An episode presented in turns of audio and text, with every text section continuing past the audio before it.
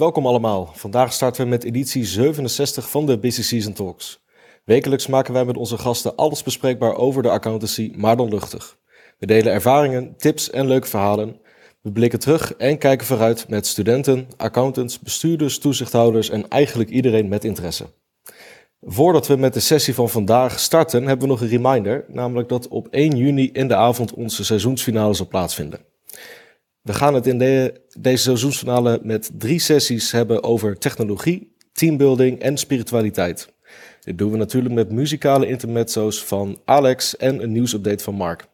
Check de website van de NBA voor het volledige programma en om je aan te melden.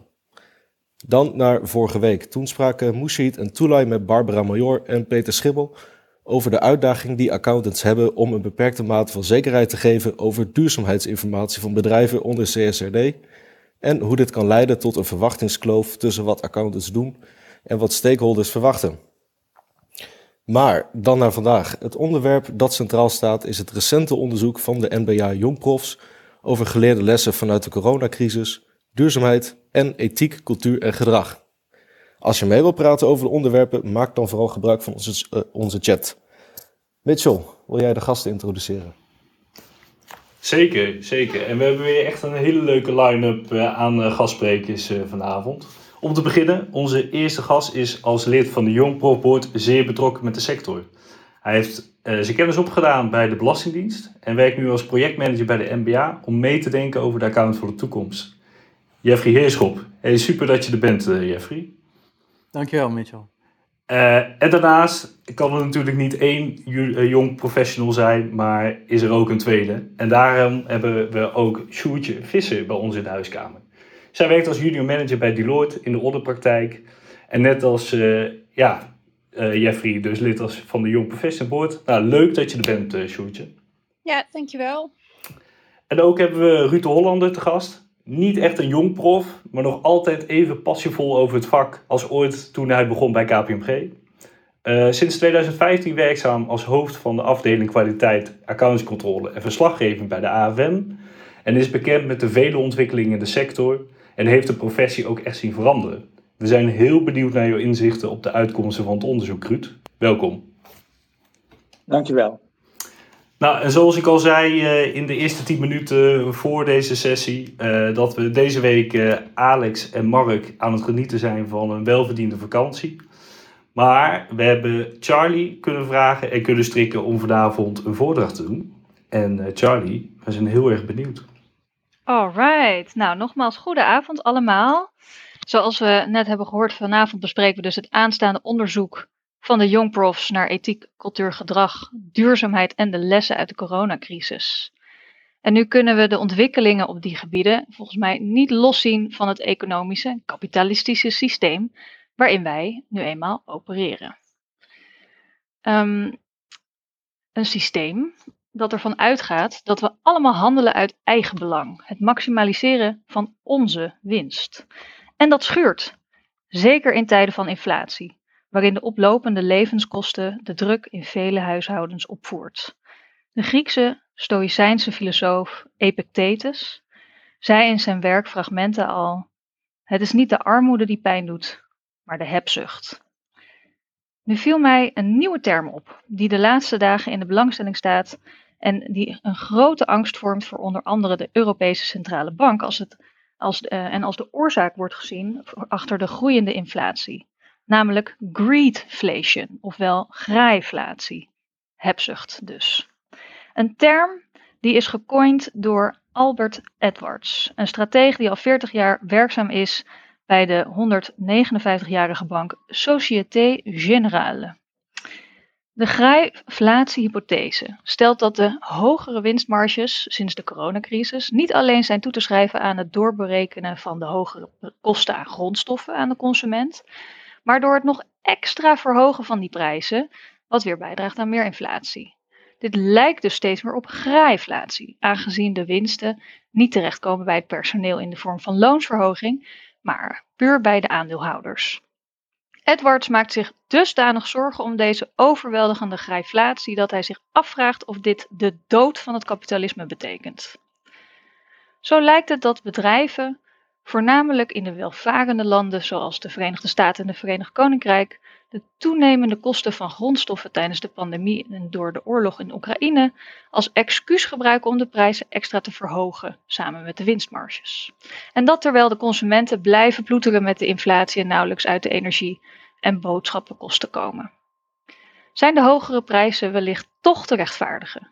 Bijvoorbeeld uh, als een vorm van anticiperen op de grote, van grote corporaties op de nog meer stijgingen, hogere stijging van de grondstofprijzen? Of getuigen deze beschuldigingen van grijflatie, eveneens uit het onderzoek van de FNV naar de jaarrekeningen van Heineken, Ahold Delhaize en Unilever, eerder van een soort populistische manoeuvre om het groot kapitaal weer overal de schuld van te geven? Goed, terug naar hebzucht. Hebzucht wordt beschouwd als één van de doodzonden, omdat het de morele waarden uitholt die ons aanmoedigen om de zorg te dragen voor het algemeen goed.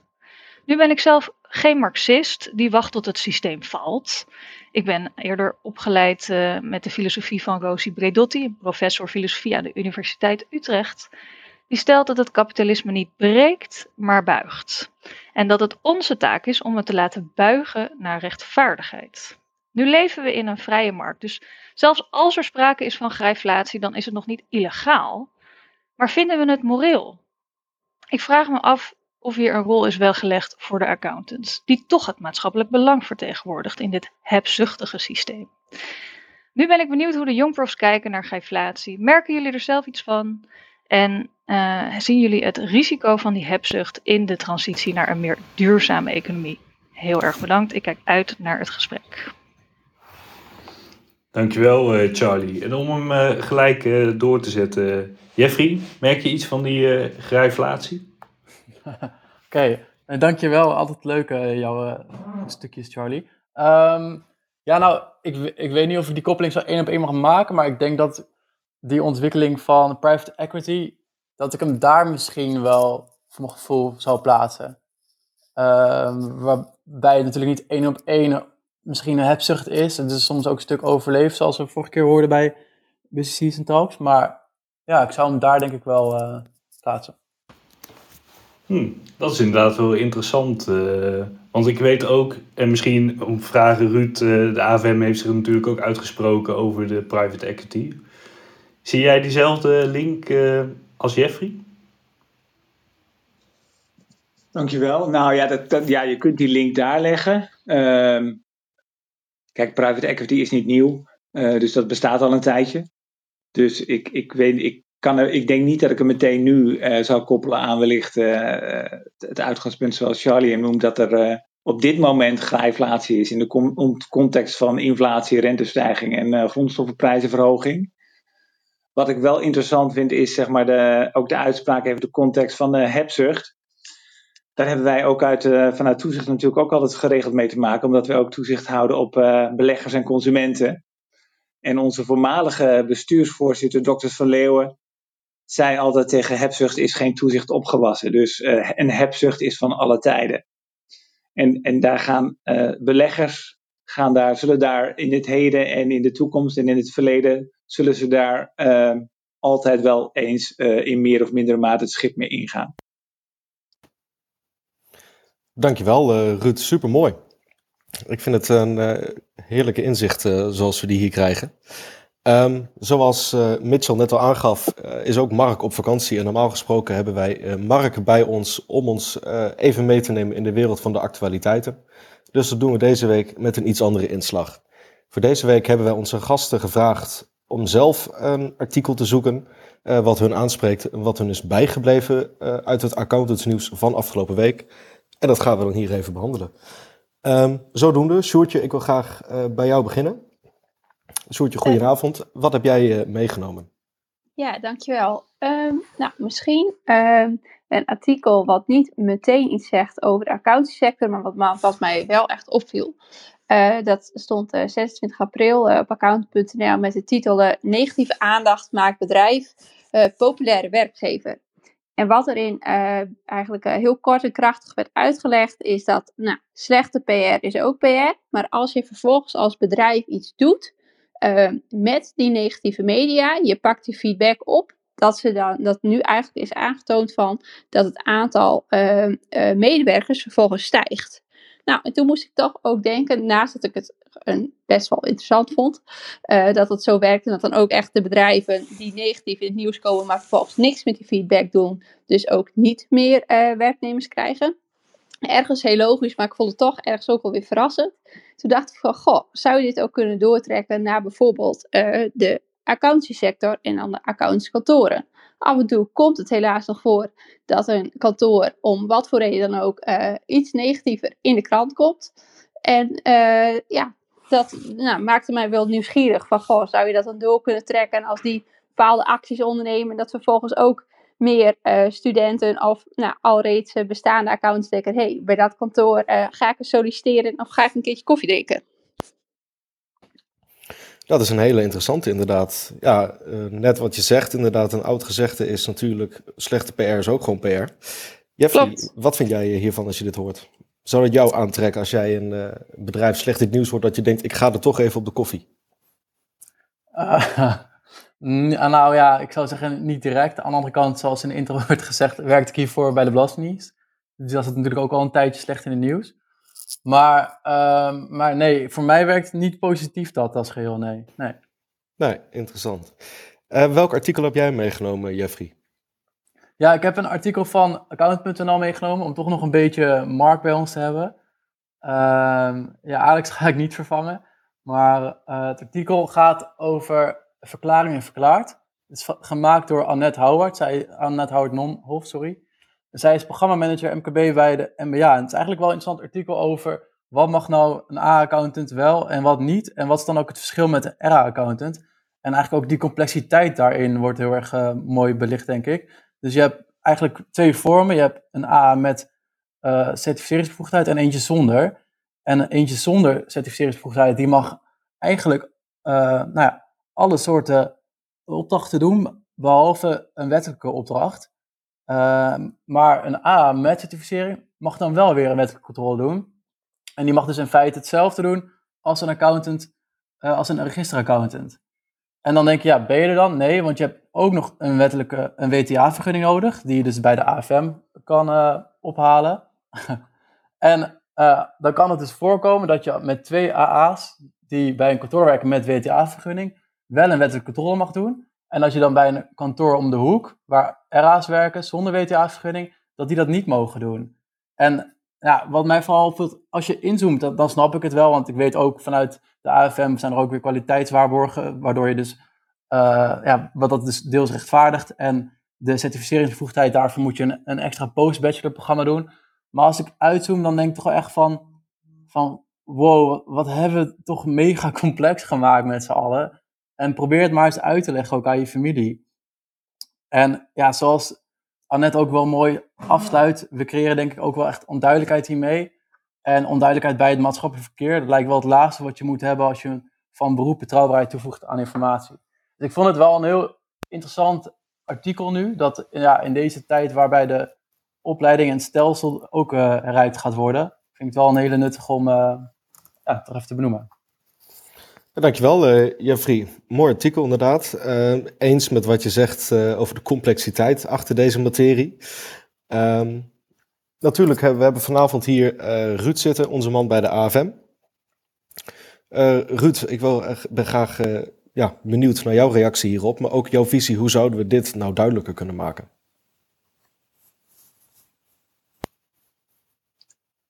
Um, nou, dat is niet zo makkelijk, denk ik. Maar dit is ja, iets uit het verleden. Uh, want op een gegeven moment uh, is er natuurlijk certificeringsbevoegdheid gecreëerd voor AH's. En daar kon je niet zomaar aan voldoen. Hè, dus moest je wel uh, extra opleidingseisen voor binnen, binnenhalen.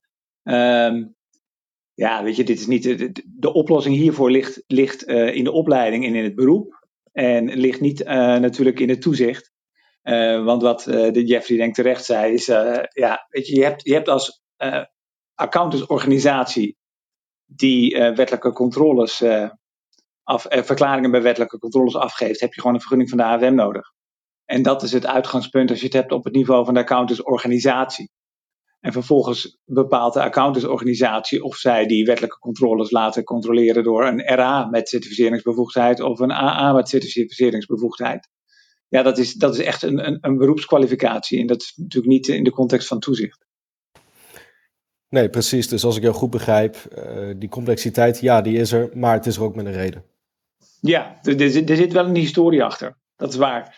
Maar ik denk, ja, het is wel goed om af en toe even te onderzoeken van, dit is wel het systeem zoals we het nu hebben. Um, maar wil, ja, wil, wil je op een gegeven moment ook dit systeem niet veranderen? En, en dan denk ik dat je naar de uh, beroepseisen en de opleidingseisen zou moeten kijken. Ja, precies. Dat is natuurlijk weer een heel veel groter ongoing debate momenteel. Um, Ruud, ja. wat heb jij uh, voor artikel meegenomen voor ons? Um, nou, ik heb een artikel bij me wat waarschijnlijk niet zoveel mensen kennen. Um, want het gaat over de internationale context. Uh, vorige week was ik namens de AFM in Washington, want daar was een algemene meeting, vergadering van de International Forum on Independent Audit Regulators, EVR. Uh, dat zal een aantal van jullie misschien iets zeggen, maar een aantal ook niet.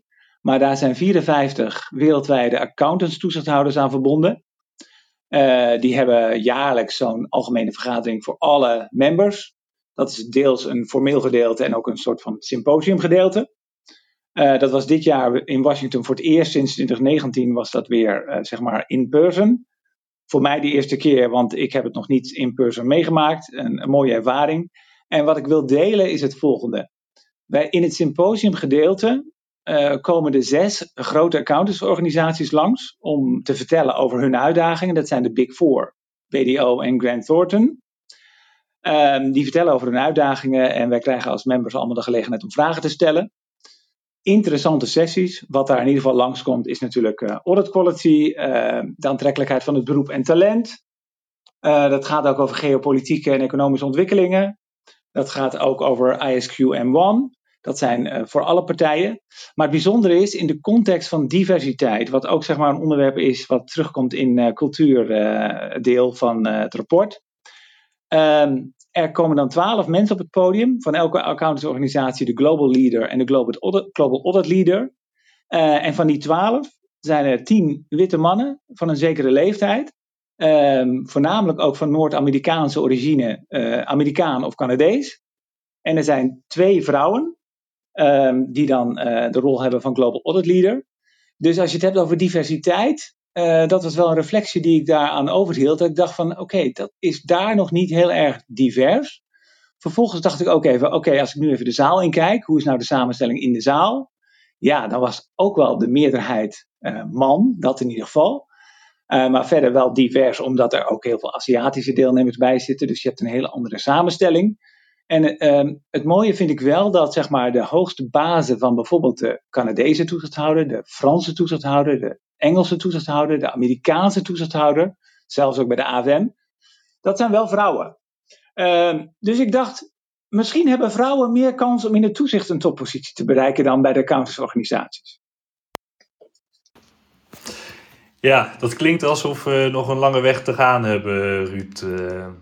En uh, inderdaad, uh, volgens mij ook heel goed uh, om, voor, voor als, om, om vrouwen ook aan te trekken richting een functie bij de AFM. en ik ben heel benieuwd, Ruud, hoe, hoe, staan wij daar eigenlijk voor ten opzichte van de andere landen qua toezicht? Want je bent dan in Washington geweest en hebt denk ik ook andere toezichthouders gesproken. Wat is jouw gevoel daarbij?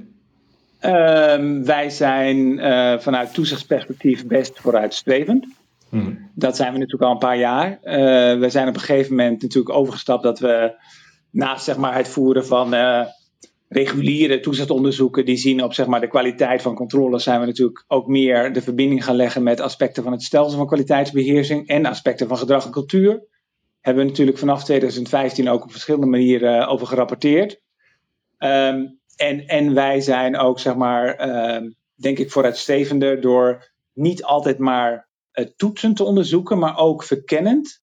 Uh, om soms meer inzicht te krijgen in uh, wat er speelt. en met die inzichten ook zeg maar, observaties en, en, en uitkomsten te delen met de sector om, om zeg maar, er nou, profijt van te hebben en van te verbeteren. Um, en ik denk ook dat wij um, dus we zijn vooruitstrevend. We, we lopen denk ik best wel op een bepaalde manier voorop. Ehm, en ik denk dat wij, omdat wij vanuit de toezicht natuurlijk deel uitmaken van een grote toezichthouder, die op heel veel andere terreinen ook toezicht houdt, echt de, de, de Market Securities uh, Regulator. En wij zijn de gedragstoezichthouder. Ja, dat merk je ook wel, denk ik, in de manier waarop wij soms uh, proberen te kijken naar hoe we de sector uh, kunnen stimuleren, motiveren en beïnvloeden. En daar zit altijd zeg maar, een, een informele manier in en soms een formele manier. Maar um, wij zijn toch best terughoudend, vind ik zelf, in uh, het inzetten van formele maatregelen. Omdat wij uh, dat uh, mogelijk, ja, dat zie je af en toe als een middel om ergens tot een doel te bereiken. Um, en bij sommige andere toezichthouders zie ik ook wel dat het zeg maar onder echt een belangrijker onderdeel uitmaakt van de toezichtstrategie. Om, om echt die, nou ja, die handhaving een belangrijke plek te geven. Dus dat is even denk ik een paar reflecties van mijn kant. Ah, dat is uh, heel interessant, Ruud. Want ik heb zo'n gevoel dat dat uh, te maken heeft met een deel van, uh, van het onderwerp wat we vanavond gaan bespreken. Dus hou dat vast. om dan gelijk een bruggetje te maken naar waarom we hier zitten. Want eigenlijk is deze aflevering wel heel bijzonder. we gaan namelijk een kijkje nemen in het onderzoek wat de MBA Jongprofs hebben uitgevoerd. Het rapport wordt pas volgende week gedeeld. Maar nou goed, we hadden Jeffrey en Sjoertje gevonden om, uh, om hier al deze week iets te vertellen over het rapport. En misschien om gelijk die stap te maken, Jeffrey, kan je ons uh, meenemen in het onderzoek wat jullie gedaan hebben?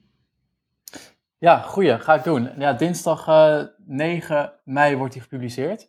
En um, ja, ik denk even goed bij het begin, want dit is namelijk het derde onderzoek in een rij. de eerste twee zijn gedaan ook door MBA Jan Profbestuur, maar andere bestuursleden. En uh, nou, de tijd van 2017 waren die. Dat is echt alweer een hele andere fase waar we toen ook het beroep in zat. Uh, dat die onderzoeken waren met name gefocust uh, op nou, kwaliteit en werkdruk kwam daar echt ook heel erg naar voren. Dat is toen was er best wel een, nou, bommetje ingeslagen en waren er echt vervolgens heel veel gesprekken gevoerd over werkdruk. Er zijn ook echt wel verbeteringen um, gaande. En het tweede rapport ging dan ook daarover. Die ging over de verbeteringen die uh, merkbaar zijn, maar dat we er eigenlijk nog niet waren. En toen zaten wij dus, nou ja, 2021 als bestuur bij elkaar, uh, vers bestuur ook wel deels, zaten te denken, ja, zo'n onderzoek doen, dat is toch een hele mooie manier om dan uh, middels een enquête informatie op te halen bij, nou ja, bij de doelgroep, bij de young professionals. En tegelijkertijd kan je ook wel echt goed een nou, een statement naar buiten brengen.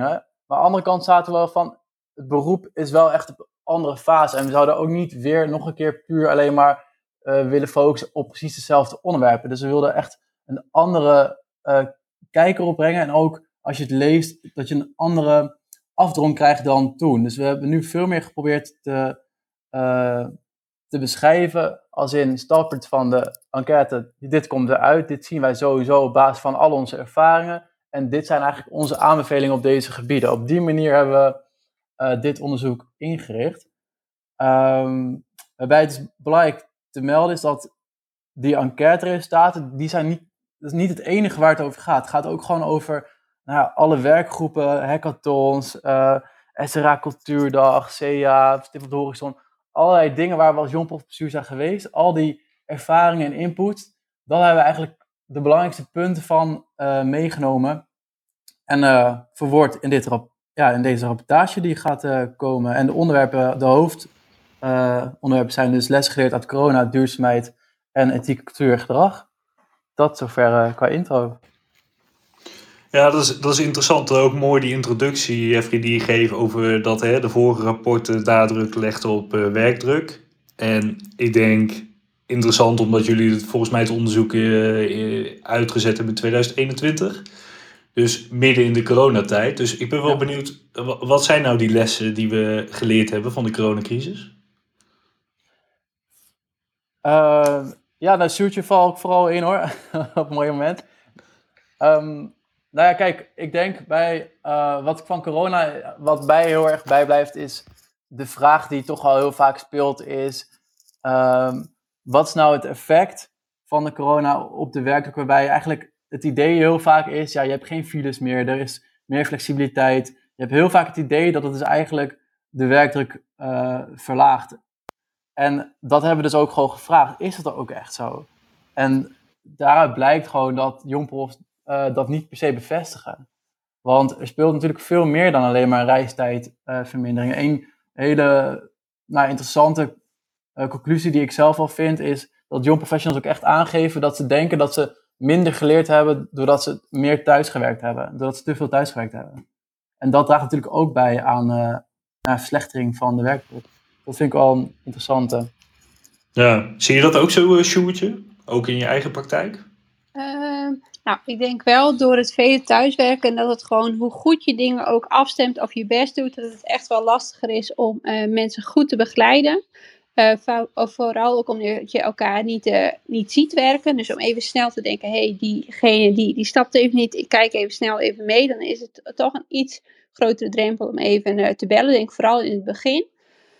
en daarnaast het stukje van, ja, als je met z'n allen om de tafel zit en ehm, je hoort ook de meer ervaren collega's met elkaar, met elkaar praten. Ja, daar leer je zoveel van.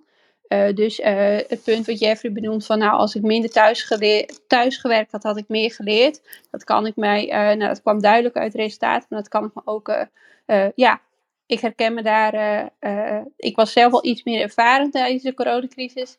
Maar ehm, ik kan me er wel echt in vinden dat dat eruit komt. Het, het verraste mij niet, laat ik het zo zeggen. En ik denk ook om uh, anders ook nog iets breiden op je vragen, uh, Mitchell, van nou, wat, wat kwam je nu uit? Uh, Jeffrey heeft al een hele grote uh, voorzet erin gegeven. Maar ik denk ook vooral het stukje wat er uiteindelijk uit naar voren is gekomen van, um, ik denk dat we allemaal wel de neiging hebben om te kijken van, hey, wat vind ik nou fijn? Vind ik het fijn om één dag in de week thuis te werken? Is het meerdere dagen? En uiteindelijk komt, nou, dat kun je voor volgende week ook allemaal lezen in ons rapport dat we eigenlijk zeggen, ja, maar het gaat niet alleen om het individu. Het gaat echt, wat past er bij uh, jullie of ons als team? Wat werkt voor ons als team van uh, hoe hoeveel werken we thuis? Hoeveel zijn we bij elkaar, bij de klant of op kantoor? Of nou ja, net... Uh, net bij wat voor organisatie je, je, werkt. Dat kun je eigenlijk veel breder trekken dan de accountancy sector. En anderzijds, um, als je het daar met z'n allen over hebt gehad, denk dan niet van oké, we hebben het bedacht, we hebben uh, iedereen is het over eens, dan gaan we dit doen en het veranderen we niet meer. Blijf er echt wel periodiek gewoon over nadenken van is nu wat we doen en onze nou ja, veel hybride werkvorm, is dat gewoon nog passend bij ons team of bij onze organisatie. Dus ik vond dat uh, ja, wel het, het, ja, dat in aanvulling op Jeffrey, ik denk de, de belangrijkste afdronk voor, uh, van dit hoofdstuk. Van wat hebben we geleerd vanuit de coronacrisis. Ja, precies. En dat, dat is denk ik wel een van de, van de positieve dingen die we meenemen. Hè? Dat hybride werken, maar ook dat we daar constant gesprek over hebben. Van ja, wat, wat, wat passend is voor, voor iedereen en zijn leerervaring. Ruud, is dat ook iets uh, wat je herkent bij de AFM? Ik, ik, verwacht dat die in de coronatijd ook uh, redelijk op afstand gewerkt hebben. Ja, we hebben natuurlijk net als alle andere organisaties uh, het thuiswerkadvies netjes gevolgd. Dus we hebben ook, de, net zoals uh, iedereen, uh, behoorlijk wat thuisgewerkt in de periode 2020-2021 vooral. Um, en en wat, wat, wat Jeffrey en Sjoerdje zeggen, dat herkennen, herken ik ook. En dat herkennen we ook binnen de AVM. Het is zeker voor nieuwe collega's moeilijk geweest in die periode om te starten. Om, om ingewerkt te worden op afstand. Dat is gewoon hartstikke ingewikkeld. Dus daarmee hebben mensen denk ik toch een beetje, een beetje achterstand opgelopen. en tegelijkertijd is dus ja, het toch ook, ook informele wijze kunnen delen van, van kennis en ervaring. Um, en die kortere eh, informele contacten, ook uh, voor, een goede, voor je goede werkrelatie, face-to-face -face contact, ongelooflijk belangrijk. En we hebben er binnen de AFM dan ook voor gekozen, hè, want je hebt, hier een je hebt hier een individueel belang. Hè? Je hebt het persoonlijke belang, het individuele belang, je hebt een teambelang, je hebt een, je hebt een afdelingsbelang en je hebt een organisatiebelang. Je hebt eigenlijk belangen op verschillende niveaus. En ja, als je het, als je puur op het individuele belang uh, vanuit benadert, dan, dan gaat iedereen misschien vanuit zijn eigen uh, belang uh, eigen keuzes maken. En dat is niet altijd de keuze die voor het team of voor de afdeling of voor de organisatie het beste is. Dus binnen de AFM hebben we vorig jaar zomer ervoor gekozen om ja, toch echt ook een, een uitgangspunt te hanteren van de default is minimaal twee dagen per week op kantoor. En dat geldt voor feitelijk iedereen. En ja, dat vinden we gewoon belangrijk voor de sociale cohesie, uh, zodat nieuwe collega's zich sneller kunnen hechten en kunnen wennen in de organisatie, persoonlijke collega's kunnen leren kennen. En ook voor het informele kennisdelen. Dus dat is vanuit het perspectief dat we dit zien als, dit is voor de AFM, met elkaar als organisatie, voor de langere termijn uh, het beste. Ja, dus... um, ja, en, dat, en, dat, en, dat, en dat doen we nu met elkaar. En dat betekent niet dat je daar nog steeds niet van leert. Hè, want ook dan moet je afspraken maken op teamniveau. Van nou ja, bij welke dag willen we dan een teamdag hebben? En uh, hoe zit het dan? Ja, laat ik eerlijk zijn. Dinsdag en donderdag zijn bij ons op kantoor gewoon veruit uh, de drukste dagen. Dus de spreiding over de week, dat is nog wel ook een, een punt van aandacht.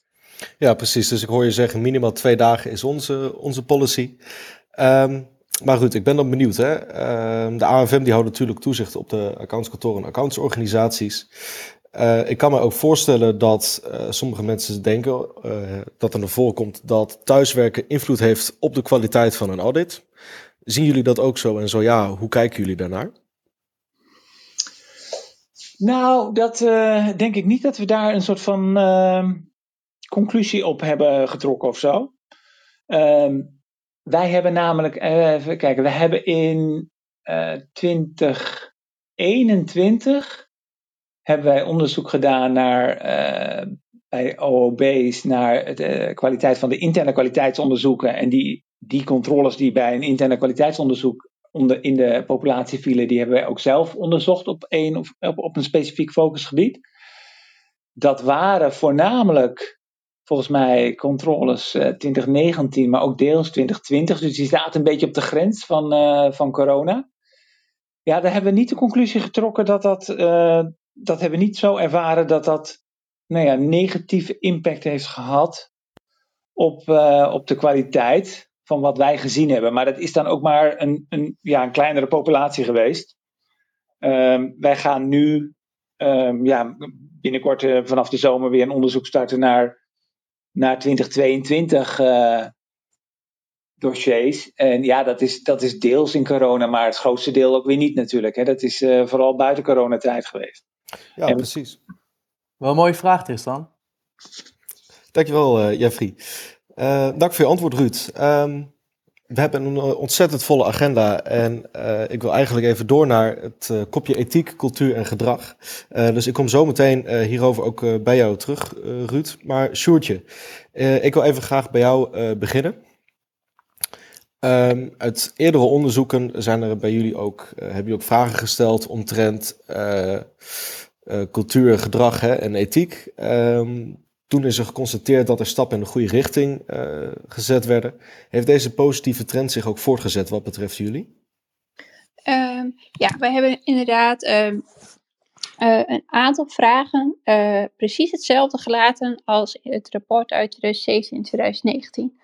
Um, nou, en daarbij concluderen we eigenlijk dat de ontwikkelingen positief zijn op het gebied van diversiteit. En wellicht uh, wellicht hebben jullie uh, ook in januari, februari ons rapport uh, Rondje langs de velden gelezen.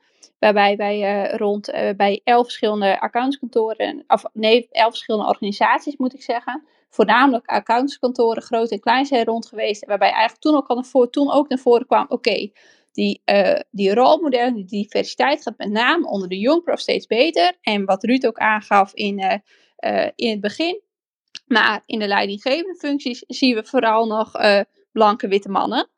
Um, maar onder de jongprofs gaat het gewoon gaat het een stuk beter. Um, daarnaast, uh, uh, wat ook als beter wordt ervaren, is eigenlijk een beetje het, macho gehalte. Moet je nu man zijn om succesvol te zijn? Nee, dat kan als vrouw ook. dus nou, dat zijn positieve ontwikkelingen. Dan denk ik ook, Tristan, dat je ook op de werkdrukken doelt. Uh, van wat is er daaruit naar voren gekomen. Nou, daar kwam eigenlijk wel uh, gelijk aan volgende onderzoeken uit naar voren. Dat als jij echt door wilt groeien naar echt een hogere functie, dan moet je prioriteit uh, wel bij het werk liggen. En dan, dan blijft het lastig om je carrière te combineren met ehm, bij je familie aanwezig zijn, bij je vrienden aanwezig zijn. Um, dus eigenlijk gaf het aan van vanuit de data dat werkdruk echt een onderwerp blijkt, dat we in de gaten moeten houden. Maar vanuit alle, eh, wat Jeffrey ook aan het begin aangaf, alle gesprekken en alle andere dingen die we hebben gedaan, ehm, ervaren wij wel een positieve trend. Het wordt wel eh, beter, het wordt beter bespreekbaar, het wordt beter op elkaar gepast.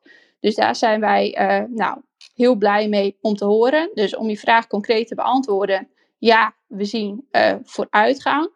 Um, wat volgens ons een hele belangrijke is om nog die stap uh, op het gebied van werkdruk te maken, is ruimte voor onverwachte gebeurtenissen een permanent karakter geven in de planning. Dat is echt een van de dingen dat we zien van oké, als wij nu met een klein of jong professionals van een klein kantoor, groot kantoor, daar is gewoon uh, verbetering mogelijk in de sector om dat, uh, dat onverwachte stukje beter in de planning te krijgen en daardoor ook, nou, waar het nodig is, de werkdruk nog meer, nog beter, nog te verbeteren. Ja, dat is wel heel interessant, Sjoerdje, dat je dat zegt. Want hoe ziet dat er dan in de praktijk uit? Um, nou, ik denk, kijk, het stukje vanuit corona hebben we natuurlijk uh, best wel wat onverwachte uh, zaken over ons heen gekregen. En dan doe ik met name op de NOW-controles. Hmm. Uh, daarvoor was denk ik bij de meeste kantoren geen, initieel geen ruimte in de planning, maar het moest wel gebeuren. Nou, um, dat is, hoop ik, denk ik niet iets wat meteen weer terugkomt. Maar er blijven wel onverwachte gebeurtenissen. En wat heel uh, leuk en fijn is om te horen, is dat er wel steeds meer kantoren aan een uitloopdag doen. één keer in zoveel weken. Of uh, nou, dat er steeds meer een, uh, een vaste uitloopochtend, dat, dat, dat, dat het steeds meer komt. Alleen er, gebeuren gewoon altijd dingen die je niet voorziet. Of de klant leeft niet goed op, of een team dit wordt ziek. En juist als dan alles op strak staat, wat natuurlijk helemaal niet zo gek is, met, uh, de, met een groot aantal kantoren die toch ook tegen capaciteitsissues aanlopen, dan staat het meteen op spanning. Dus dat is echt iets wat we mee willen geven van bouw dat in voor uh, de organisaties die dat nog niet doen. En dan geeft het rust. Dan kun je klap, dan kun je, ben je veel uh, uh, ja, flexibeler en kun je dingen beter opvangen. Ja. ja, dat is inderdaad interessant en heel, heel praktisch dan door inderdaad zo'n ochtend in te bouwen. Al moet je denk ik wel voorkomen dat je voor, voor alles wat, wat onverwachts is uh, ruimte bouwt. Want dan hou je heel weinig van je week over. Dus, maar wel ja, goed dat er... Dat, moet natuurlijk wel even goed over nadenken. Maar nee, daar geloven we wel, we wel echt in. Ja. Dat dat, uh, ja, positief kan bijdragen. Precies, precies. Wat ik, wat ik ook heel erg interessant heb, want voorafgaand aan deze sessie wil, deelden jullie al een deel van het rapport. En een van de dingen die mij echt het meest bijbleef, is uh, de angst voor reviews. En dan ben ik heel benieuwd, wat, wat zijn jullie uitkomsten van, uh, van wat specifieke onderdeel van het onderzoek? Ja, deze pak ik uh, dan van je over. Um, ja, nee, dat is superleuk natuurlijk. Ook helemaal nu we AFM ook hier aanwezig hebben. Een mooi onderwerp, denk ik, daarvoor. Um, wij hebben eigenlijk uh, gevraagd aan jong profs in, of ze angst voor reviews ervaren. En dan eigenlijk hebben we dat tweeledig angst vanuit review van het kantoor. En dan ook uh, aparte vraag voor uit de toezichthouder. En dat kan de AFM zijn, maar ook de SRA en MBA afhankelijk van uh, welk kantoor. En daar blijkt dat er gewoon best wel veel jongprofs nog die angst ervaren. En hoewel wel beter al sinds vorige uh, onderzoeken, het gaat wel beter, maar is het toch nog wel een hoge angst. En die, die angst is ook wel echt, um, ja, een probleem, of nee, een probleem, een risico. Het kan heel erg belemmerend werken. Want we hebben ook een, een jong zei het heel mooi. Dan kan je wel een, een, nieuwe tool gaan toepassen. Maar ja, als je straks misschien een AFM-controle krijgt en het wordt afgekeurd, ja, dan uh, heb je een probleem. Dus wat zegt de leidinggevende? Doe toch maar ook gewoon de normale werkzaamheden ernaast. Dat soort, dat soort dingen worden er dan gezegd. Dus dat is denk ik ook gewoon wat je niet wil hebben. En uh, daaraan wat we dan in gesprek met verschillende jongprofs ook horen, dan vragen we ook naar ze, maar ja, jij hebt ook die angst dus, maar heb je wel eens een AFM-review gehad? En dan is toch vaak het antwoord dat ze dat niet hebben gehad. En, maar toch hebben ze die angst. Dat, is, dat, dat vonden we heel erg interessant. Dus hoe kan dat nou? Hè? En ja, wij concluderen eigenlijk dat er een groot deel daarin ontstaan is door, door miscommunicatie. Door, ik denk, in, kijk, in het verleden, en dan, in het verleden zijn er best wel wat kritische rapporten geweest natuurlijk vanuit de AFM. Uh, tijd terug alweer. En daar heeft het kantoor op een bepaalde manier op gereageerd. En daar wordt ook op een bepaalde manier op gesproken. En dat heeft denk ik uh, een effect gehad. En daarnaast is er ook bij, überhaupt bij ons beroep, merk je toch gewoon een hele terughoudendheid of, of een, uh, nou ja, misschien wel een angst voor om zelf fouten te maken. En dat komt natuurlijk ook met zo'n review erg naar boven. Dus deze, ja, deze onderwerpen, dit, dit, dit deel vonden wij wel heel interessant om te belichten. En juist ook uh, dat gevoel van miscommunicatie. En daarom uh, zijn we ook zo blij dat de AFM nu veel meer al uh, communiceert met hoe ze doen, wat ze doen. En zelfs nu ook, ja, heel mooi voorbeeld, dat, dat Ruud hier gewoon aanwezig is. Dat is echt, ja, super fijn. Ja, dankjewel uh, Jeffrey. Inderdaad, ik hoorde je ook zeggen uh, dat bijvoorbeeld met gebruik van die nieuwe tool, uh, als ik je goed begrijp, gaat dan een beetje de focus verschuiven naar het maar halen van een review in plaats van het gebruiken van juiste controlewerkzaamheden. Zeg ik dat goed? Nou ja, kijk, dat, dat is dus het gevaar. Hè? Wat je dus merkt afgelopen jaren, het, het, gevaar is dat je, dat je misschien doorslaat naar bijvoorbeeld een checklist mentaliteit dus als je gewoon bepaalde checks kan afvinken, dan is je dossier goed. En als je dossier goed is, dan kom je door een review heen. Terwijl uiteindelijk gaat het daar natuurlijk niet over. Het gaat niet om een goed dossier. Het gaat om, heb ik uh, voldoende en juiste controleinformatie? Is mijn controle gewoon goed? Daar gaat het natuurlijk om. En hoewel een checklist op zich is op zich niet een probleem. Maar ja, als je daarin doorschiet, dan kan het dus, die focus kan dus verlegd worden naar meer het dossier gewoon goed dichttimmeren. En daarnaast, ja, kan ik je vertellen, als je als jongprof alleen maar checklists moet uitwerken, dan is het ook niet heel erg bevorderlijk voor je, voor je werkplezier. Nee, dat kan ik me zeker voorstellen. Uh, Ruud, fijn dat je uh, hierbij bent vanavond. Want uh, dit is natuurlijk ook, kan ik me voorstellen, een booming onderwerp bij jullie als AFM. Um, we horen hier een, een, aantal stellingen van Jeffrey. Hoe kijk jij hier tegenaan? Nou, ik vind het heel fijn om een stukje toelichting te geven. Ik denk dat Jeffrey aangeeft dat er een aantal ontwikkelingen zich hebben plaatsgevonden. Uh, waarbij uh, we, denk ik, uh, als we kijken naar hoe wij nu communiceren, dat we daar ook stappen hebben gemaakt. Maar wat ik vooral, vooral, belangrijk vind, is misschien om even te schetsen hoe wij ook het proces inrichten. want hoe, hoe, doen wij nou een, een, een review of een onderzoek? Ehm, wij, wij, wij, selecteren op basis van nou ja, weet je, selectiecriteria bepaalde controles. En dat, dat kan dan gekoppeld zijn aan. Vorige keer hebben we dat gekoppeld aan intern kwaliteitsonderzoek. Het aankomende onderzoek wat vanaf juni begint, dat koppelen we dan aan zeg maar, opdrachtgerichte kwaliteitsbeoordeling als uh, een, een, een, kwaliteitswaarborg die we daar dan in, in meenemen. En, um, en dan, dan, dan volgen we ook eigenlijk gewoon de aanpak zoals de accountant en dat team zich hebben voorgenomen. Dus we kijken naar uh, wat is de story of the audit, zoals we dat noemen. Um, hoe hebben zij dat uh, aangepakt? Uh, hebben ze inschattingen gemaakt van, uh, van, uh, van risico's, een controleplan opgesteld. En vervolgens gaan wij kijken naar een bepaald focusgebied of meerdere focusgebieden. En dan, dan kijken we hoe dat controleplan is gevolgd. En in hoeverre daar systeemgerichte werkzaamheden zeg maar, aan hebben bijgedragen voor, voor het verkrijgen van de juiste voldoende geschikte controleinformatie en wellicht gegevensgerichte informatie. En tijdens zo'n review als wij vragen hebben, of als we iets niet begrijpen en zo, dan gaan we altijd terug naar het controleteam en een accountant. Dan gaan we in gesprek. Um, en dat doen we zoveel mogelijk, zeg maar, met een, uiteraard met een open mind, met het idee van, nou, vertel ons, leg het uit. Hoe, hoe hebben jullie dat gedaan? En uh, oké, en hoe zie je dat dan? Ja, en op een gegeven moment dan heb je, zeg maar, het, het, focusgebied beoordeeld en dan ga je, dat, ga je daar een, een, een conclusie aan verbinden. Um, ja, en dan, en dan ga je ook weer in gesprek met, uh, met zeg maar het controleteam en de accountant. Uh, om, om, om aan te geven van oké, maar waar zien wij nou waar er wellicht mogelijk observaties of bevindingen zijn. Waar ook iets is om van te leren. En het uitgangspunt voor ons is ook. Uh, het gaat er niet om, om zeg maar, de fouten ontdekken en dat zeg maar, boven tafel te krijgen. Het gaat erom, ja, een toetsend onderzoek gaat er wel om van goh, in hoeverre hè, kun je steunen op voldoende en geschikte controleinformatie. Dat is de kern. Uh, dat moet ook wel zeg maar, uh, gedocumenteerd zijn. Hè. Het moet voor een, een, externe toezichthouder, dat kunnen wij zijn. Het kan ook een andere toezichthouder zijn. Of dat kan een intern onderzoek zijn. Moet het wel zeg maar, uh, te volgen zijn. En dat is een belangrijk uitgangspunt. Maar, maar, documentatie is natuurlijk niet de kern. Het gaat uiteindelijk om de, de wijze waarop de controle is uitgevoerd. Ja, en dan, en dan komen we tot, tot, tot bevindingen en conclusies. En het uitgangspunt voor ons is dat dat, dat ook ja, een, tot een lerende organisatie leidt. Um, tegelijkertijd erkennen we wel dat uh, ja, een review van een externe toezichthouder of van een interne peer review, dat, dat kan altijd spannend zijn.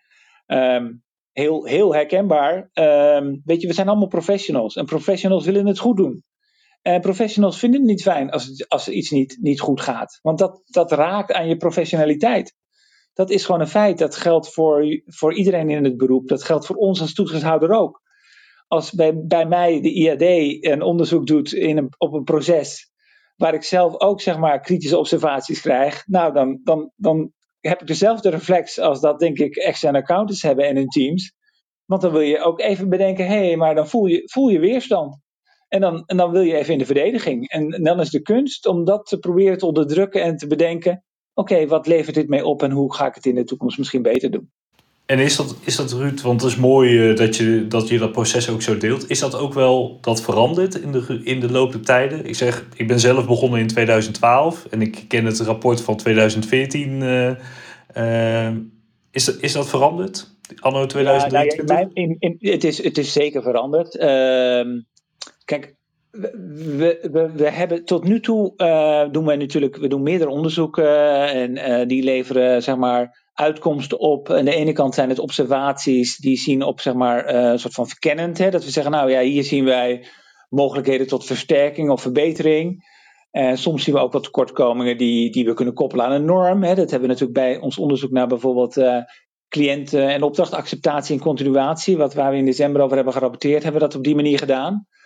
Um, maar uh, de momenten dat wij uiteindelijk op basis van een review uh, afconcluderen dat we de, uiteindelijk de kwaliteit van de controle voldoende of onvoldoende vinden, is in het verleden ook relatief beperkt geweest. Um, en ik denk dat we naar de toekomst toe dat nog minder gaan doen, omdat we meer willen gaan concluderen op uh, observaties, bevindingen, op, op, op andere kostnormen dan de uiteindelijke 200.17 uh, conclusie of er voldoende of geschikte controleinformatie is. Um, want dat, ja, dat is een, een, een, een stevige conclusie die we daaraan verbinden. Maar dat, dat, dat doen we, hebben in het verleden relatief beperkt gedaan, uh, maar wel stevige boodschappen soms aan, aangekoppeld. Dat is in 2014 geweest, in 2017 ook nog op een bepaalde manier. En ik denk daarna dat de rapporten wel uh, nou ja, meer genuanceerd, een genuanceerd beeld hebben laten zien. Omdat we ons ook realiseren dat wil je uh, veranderbereidheid en verandervermogen en positiviteit rondom verandering vasthouden, dan uh, is het ook voor ons van belang dat we de sector daarin ook de positieve punten meegeven. Want anders uh, ja, wordt, het, wordt het moeilijk om zeg maar, voor langere termijn natuurlijk een, een positieve veranderbereidheid en verandervermogen ook in de sector te blijven stimuleren. Ja, mooi antwoord, uh, Ruud. Ik kan me dat inderdaad voorstellen, want wie blijheid verspreidt, ontvangt blijheid, zei iemand ooit. Um, ik wil eventjes terug naar, uh, naar wat je even eerder zei. Want ik hoor het is een dynamisch proces. En je zei uh, op een gegeven moment als wij vragen hebben, dan gaan wij terug met die vragen naar het controleteam. Dan gaan wij daarover in gesprek. Uh, ik kan mij wel voorstellen, dat is niet niks. Als jij daar als jong prof zit en de toezichthouder die gaat tegenover je zitten om wat vragen te stellen. Uh, hoe, hoe gaat zo'n gesprek precies in zijn werk? Wat is, hoe wordt het ervaren? Wat is de sfeer daar? Um, nou ja, er zit helaas geen, uh, geen jong prof aan tafel die het zelf heeft ervaren, denk ik. Hè? Want dat zou het mooiste zijn. Hè? Hoe, hoe heeft, maar, maar, misschien zit er iemand in de, in de groep die het wel heeft ervaren. Dat zou ook nog mooi zijn om een bijdrage te vragen. Zeker, als, uh, als er iemand in het publiek zit, uh, steek maar, je hand op. Maar kijk, uiteraard, weet je, je zit als jong prof daar ook niet in je eentje. Hè? Um, niet bij elk gesprek zit misschien de, de externe accountant erbij, maar er zit wel altijd de manager of de senior manager. En afhankelijk van het type opdracht zit ook wel vaak in bij dat soort gesprekken, gezien ook het belang, uh, nee, het belang, gezien ook zeg maar toch ook uh, de rol die de externe accountant heeft, zit ook vaak de externe accountant er wel bij.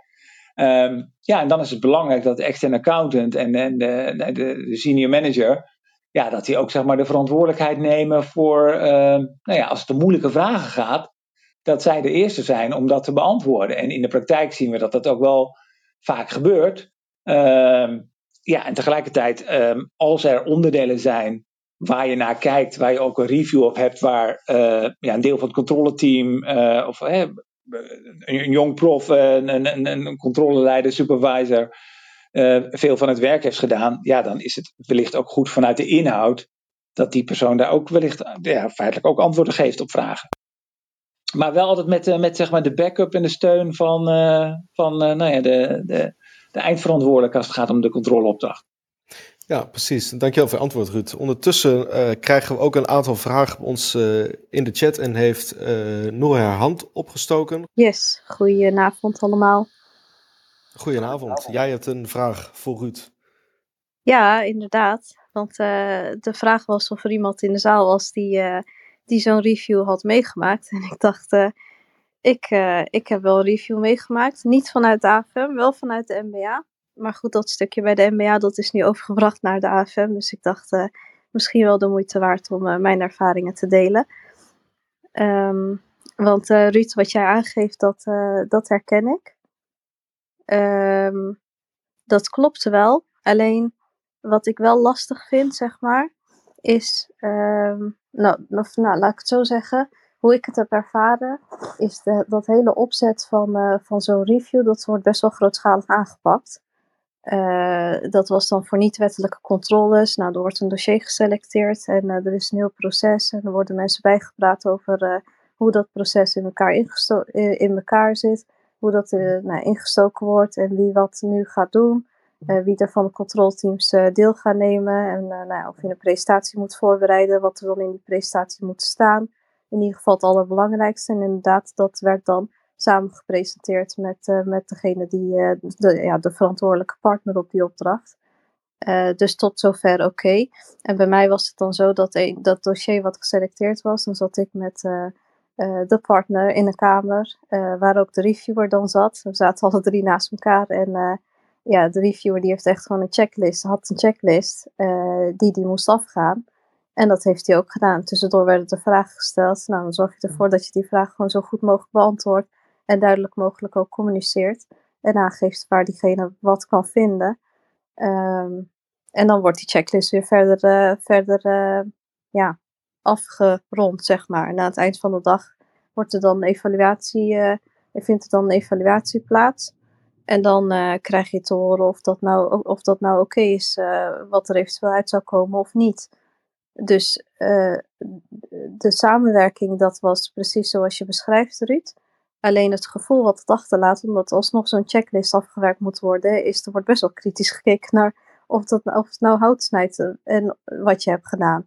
En dat het gevoel wat dat meebrengt en die hele opzet dat het echt serious business is, dat eh, voelt, ja, dat voelt niet helemaal lekker aan, zeg maar. Het voelt meer aan als afrekenen dan dat je echt leert dat als je iets, zeg maar, echt vindt in zo'n dossier, eh, dat je ervan kan leren. Ja, dus als ik je goed dus, eh, begrijp, dan. Uh, de, ja, ik weet niet of het dat in de toon gaat zetten uh, of in de hele perceptie eromheen. maar het kan best wel zwaar op iemand overkomen, als ik het goed begrijp. Ja, precies. En het is maar net wie je dan, wie je dan tegenover je hebt, natuurlijk.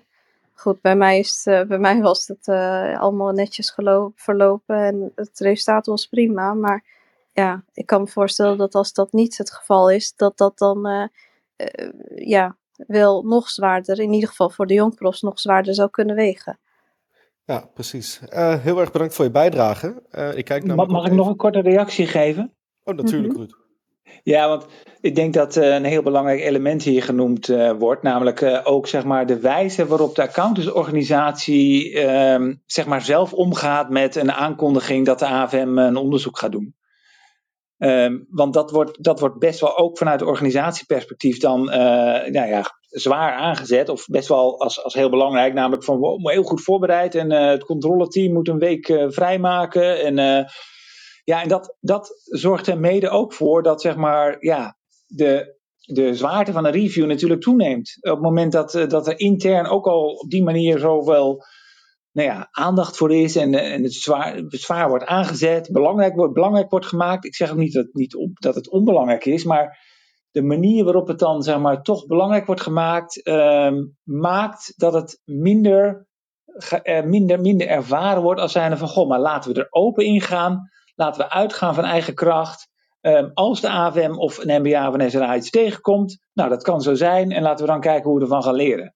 Um, dat, dat zou wel een mooie ja, mooie manier zijn om, om dat met elkaar zo te realiseren.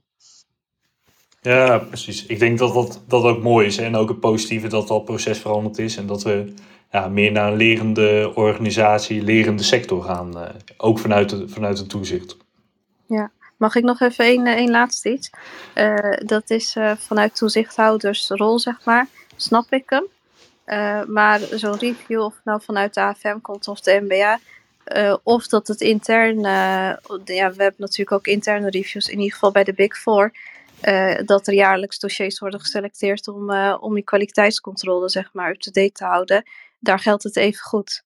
Dus het is niet alleen het karakter van een externe review die, die dit veroorzaakt, maar meer dat er überhaupt een review plaatsvindt met zo'n hele heisa eromheen. Wat, wat jij nu net, Ruud, beschreef. Ja, ik denk dat we een hele sessie kunnen vullen met de, de, de stukje voor de angst voor reviews. Misschien een idee voor de, voor de volgende keer. We hebben natuurlijk ook nog een ander element in, in het rapport staan.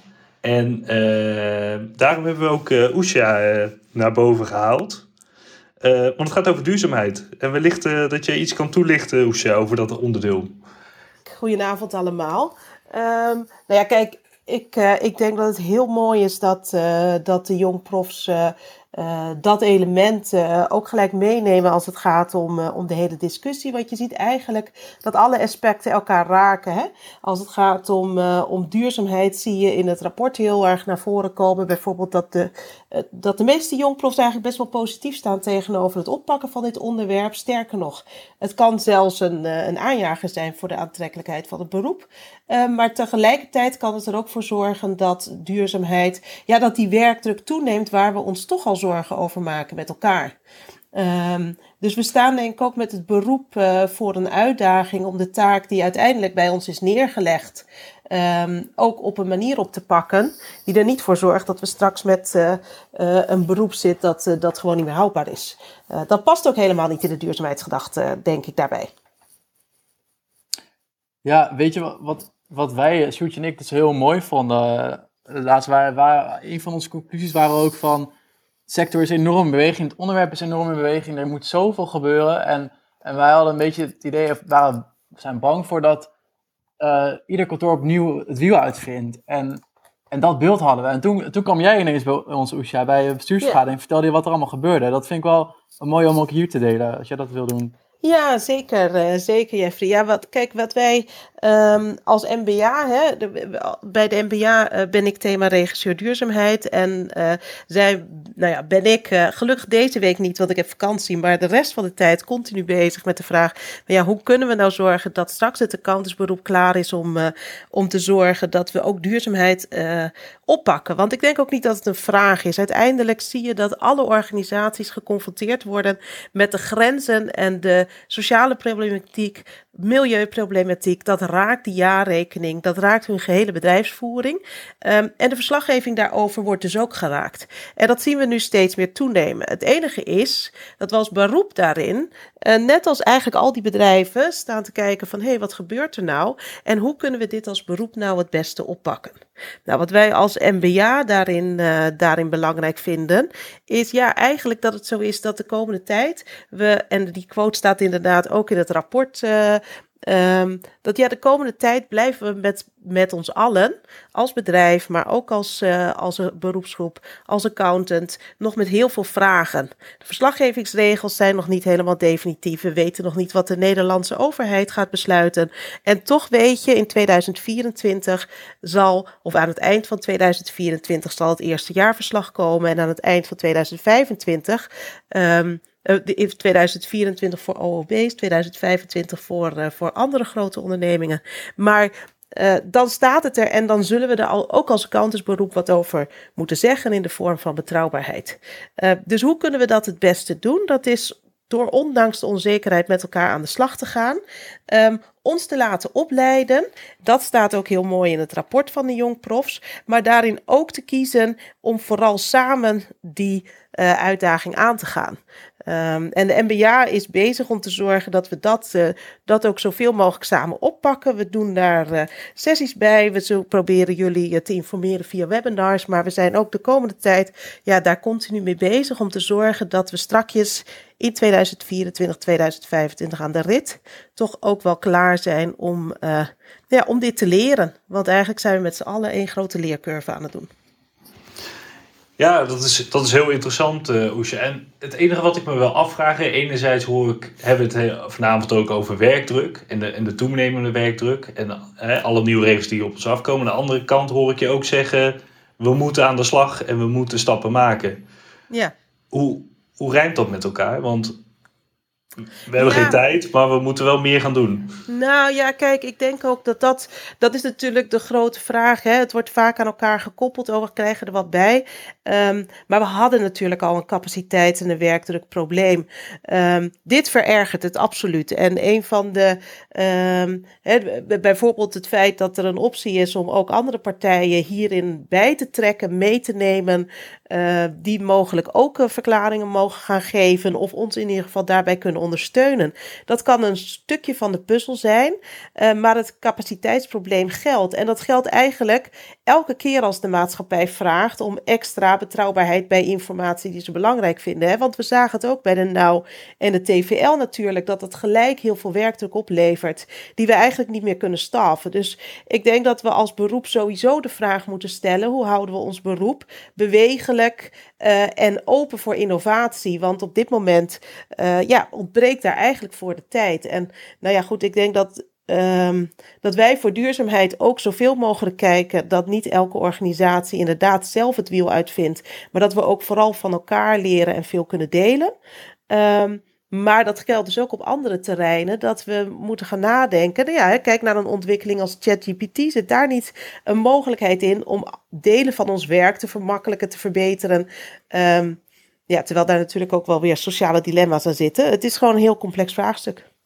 Ja, dat is het zeker. Uh, ik hoor je zeggen, hè, het, uh, het, verergt een stukje werkdruk, het tast onze bewegelijkheid aan. En Jeffrey, hè, als we dan kijken naar jullie onderzoek als, uh, als jong profs, um, hoe komt dit hierin naar voren? hoe, hoe leeft dit onderwerp onder de young professionals in Nederland? Sorry, en dan bedoel je specifiek werkdruk of duurzaamheid? Nee, dat bedoel ik echt specifiek hè, de aanvulling van duurzaamheidsverslaggeving op ons takenpakket dat we al hebben. Ja, ja, goeie. Nou, kijk, daar, daar zitten wel grote zorgen. Kijk, als je kijkt nu naar het werk überhaupt, dan uh, zien we dat niet alleen inhoudelijk wordt het werk groter met onderwerpen zoals fraude, dat, dat steeds meer aandacht uh, eist uh, en continuïteit. Maar ook natuurlijk de controlegrenzen die nog niet echt meestijgen met de inflatie. Maar ook dus onderwerp duurzaamheid, dat echt een, een berg werk gaat opleveren. En, en daar spelen wel, zijn wel zorgen bij Jongprof van, we willen dit doen, het is echt een kans voor de aantrekkelijkheid van het beroep, maar, maar wie gaat het doen dan? En, en hoe, hoe zorgen we ervoor dat we straks niet ja, nog veel groter werkdruk of capaciteitsprobleem hebben? Dat zijn wel zorgen die daar heel erg in, in spelen. Terwijl tegelijkertijd, zoals Jongprof ook aangeven, echt wel een kans is. Want we vinden het echt, veel mensen vinden het wel echt een super belangrijk, interessant onderwerp. Ja, dat wilde ik je ook net aanvullen, Jeff, inderdaad. Van wat er ook, uh, wat Jeff zegt, uh, helemaal eens uh, benoemd. Wat hij benoemt, helemaal eens. Maar daarnaast ook wordt het wel als iets, ja, gewoon positief voor, voor de aantrekkelijkheid van het beroep. Veel jonge profs zijn denk ik ook gewoon geïnteresseerd in. En waar, um, um, waar denk ik dan nu ook nog ruimte is, is nou ja, ook wat uh, Oesje net ons allemaal heeft uitgelegd van, we weten nog niet precies hoe het er allemaal, hoe het er exact uitkomt te zien. Maar wel ook de oproep om aan de leidinggevenden van de accountsorganisaties, als er wel zaken bekend zijn van, goh, hoe gaan we het inrichten binnen ons kantoor, wees er ook transparant over. Want dat voorkomt juist ook een beetje, nou, ruis of misschien wel uh, onrust, wat groter woord. Um, maar ik denk dat de jongprofs die, ja, over het algemeen zijn er een hoop in geïnteresseerd zijn en zijn ook gewoon heel benieuwd naar. Dus het is goed om daar ook uh, nou, wat er over gecommuniceerd kan worden, om dat ook uh, te communiceren. En ik denk de samenwerking tussen de kantoren, zoals die ook uh, nou, binnen de MBA, binnen de werkgroepen, uh, op dit moment is ingericht, dat, dat, dat het gewoon heel mooi is. En dat we dan niet, hopelijk, niet allemaal het wiel zelf opnieuw moeten gaan uitvinden. dat is inderdaad een hele mooie. Ruud, ik zie jou ook uh, unmuten. Ja, ik dacht, ik, ik, ik, ik voel de behoefte om nog even iets aan toe te voegen. Uh, wij hebben natuurlijk als AVM ook recent onderzoek gedaan en daarover gerapporteerd. Hè? Dat rapport heet uh, CSRD, geen tijd te verliezen. Dat gaat over zowel rapporteren en uh, assurance. Uh, ik denk wel dat het goed is om. Uh, ik, ik, herken helemaal wat er gezegd wordt hoor, over zeg maar, de spanning uh, die het oplevert met, met de onduidelijkheid die er nog is in de werkdruk en, de, en ook de aantrekkelijkheid. Ik begon even met zeg maar, de, de zes grote kantoren die vorige week verhalen hebben verteld. Die zien ook allemaal sustainability en ESG reporting en assurance als zeg maar, belangrijke ontwikkelingen waar ze allemaal in mee willen doen. Um, daar zien ze ook kansen, ook vanuit het talent perspectief. Tegelijkertijd um, levert het ook echt wel uitdagingen op, hè? want het begint natuurlijk met limited assurance. Hè? En assurance is in het belang van het publiek, publieke belang. En ik denk dat het voor stakeholders echt lastig is om te begrijpen, om eind, voor eindgebruikers en wie dit dan ook allemaal zijn, om goed te duiden wat nu limited assurance al dan niet inhoudt. En misschien wordt het op termijn reasonable assurance, maar dat is nog zeg maar niet bepaald. Um, dus dat levert ook nog wel uitdagingen op voor accountants. Um, uh, in ieder geval nu nog accountants. En of uh, die optie waar Usha al aan refereerde, zeg maar in Nederland wordt geïmplementeerd, dat ook andere independent assurance service providers uh, assurance mogen verlenen, is nog onduidelijk. Maar, maar dit, ja, dit levert ook echt wel uitdagingen op. maak, het, is voor accountants heel belangrijk om goed aan te geven, ook in die assuranceverklaringen, ja, hoe dat, wat, wat je dan gedaan hebt en wat, wat je daaraan zekerheid al dan niet kunt ontlenen. Ja, ik denk dat het inderdaad heel belangrijk is om daar gewoon ook open over te communiceren, Ruud. Wat ik je eigenlijk hoor zeggen, zeg maar, van wat je wel en niet uh, kan doen als accountant. En inderdaad uh, het, het breder maken dat ook gewoon andere deskundigen uh, die zekerheid zouden kunnen geven. En, of, ja, en wanneer je daar zeg maar, de zekerheid voorkomt dat dat wel of niet kan. Dus dat, dat, dat is wel een hele mooie. Ik kijk ondertussen ook naar de klok. En we zijn al ruim over, over 9 uur heen. Ik denk dat, er, dat, dat de jongprofs echt een paar hele belangrijke, relevante onderwerpen raken. En ik denk dat we de hele avond door zouden kunnen praten over de verschillende onderwerpen. Goed idee. maar goed, we moeten ook wat overhouden voor de volgende sessies. En volgens mij zijn er in de chat al een hoop mooie vragen en suggesties gegeven. Dus daar komen we zeker op terug. Ik wil eigenlijk hierbij alle gasten bedanken, alle luisteraars. Dank jullie voor de input, dank jullie wel voor het rapport. Volgende week komt dus het rapport uit. Lees hem goed, pakken we ook goed. Ik, inderdaad, wat ik al gezien heb, is dat er hele duidelijke specifieke aanbevelingen in staan. dus ja, Sjoerd, Sjoerdje, Ruud, Jeffrey, Usha, Charlie, bedankt. En ik wens jullie nog vast een fijne avond. Bedankt jou. Veel dank. Dank je. Dank je.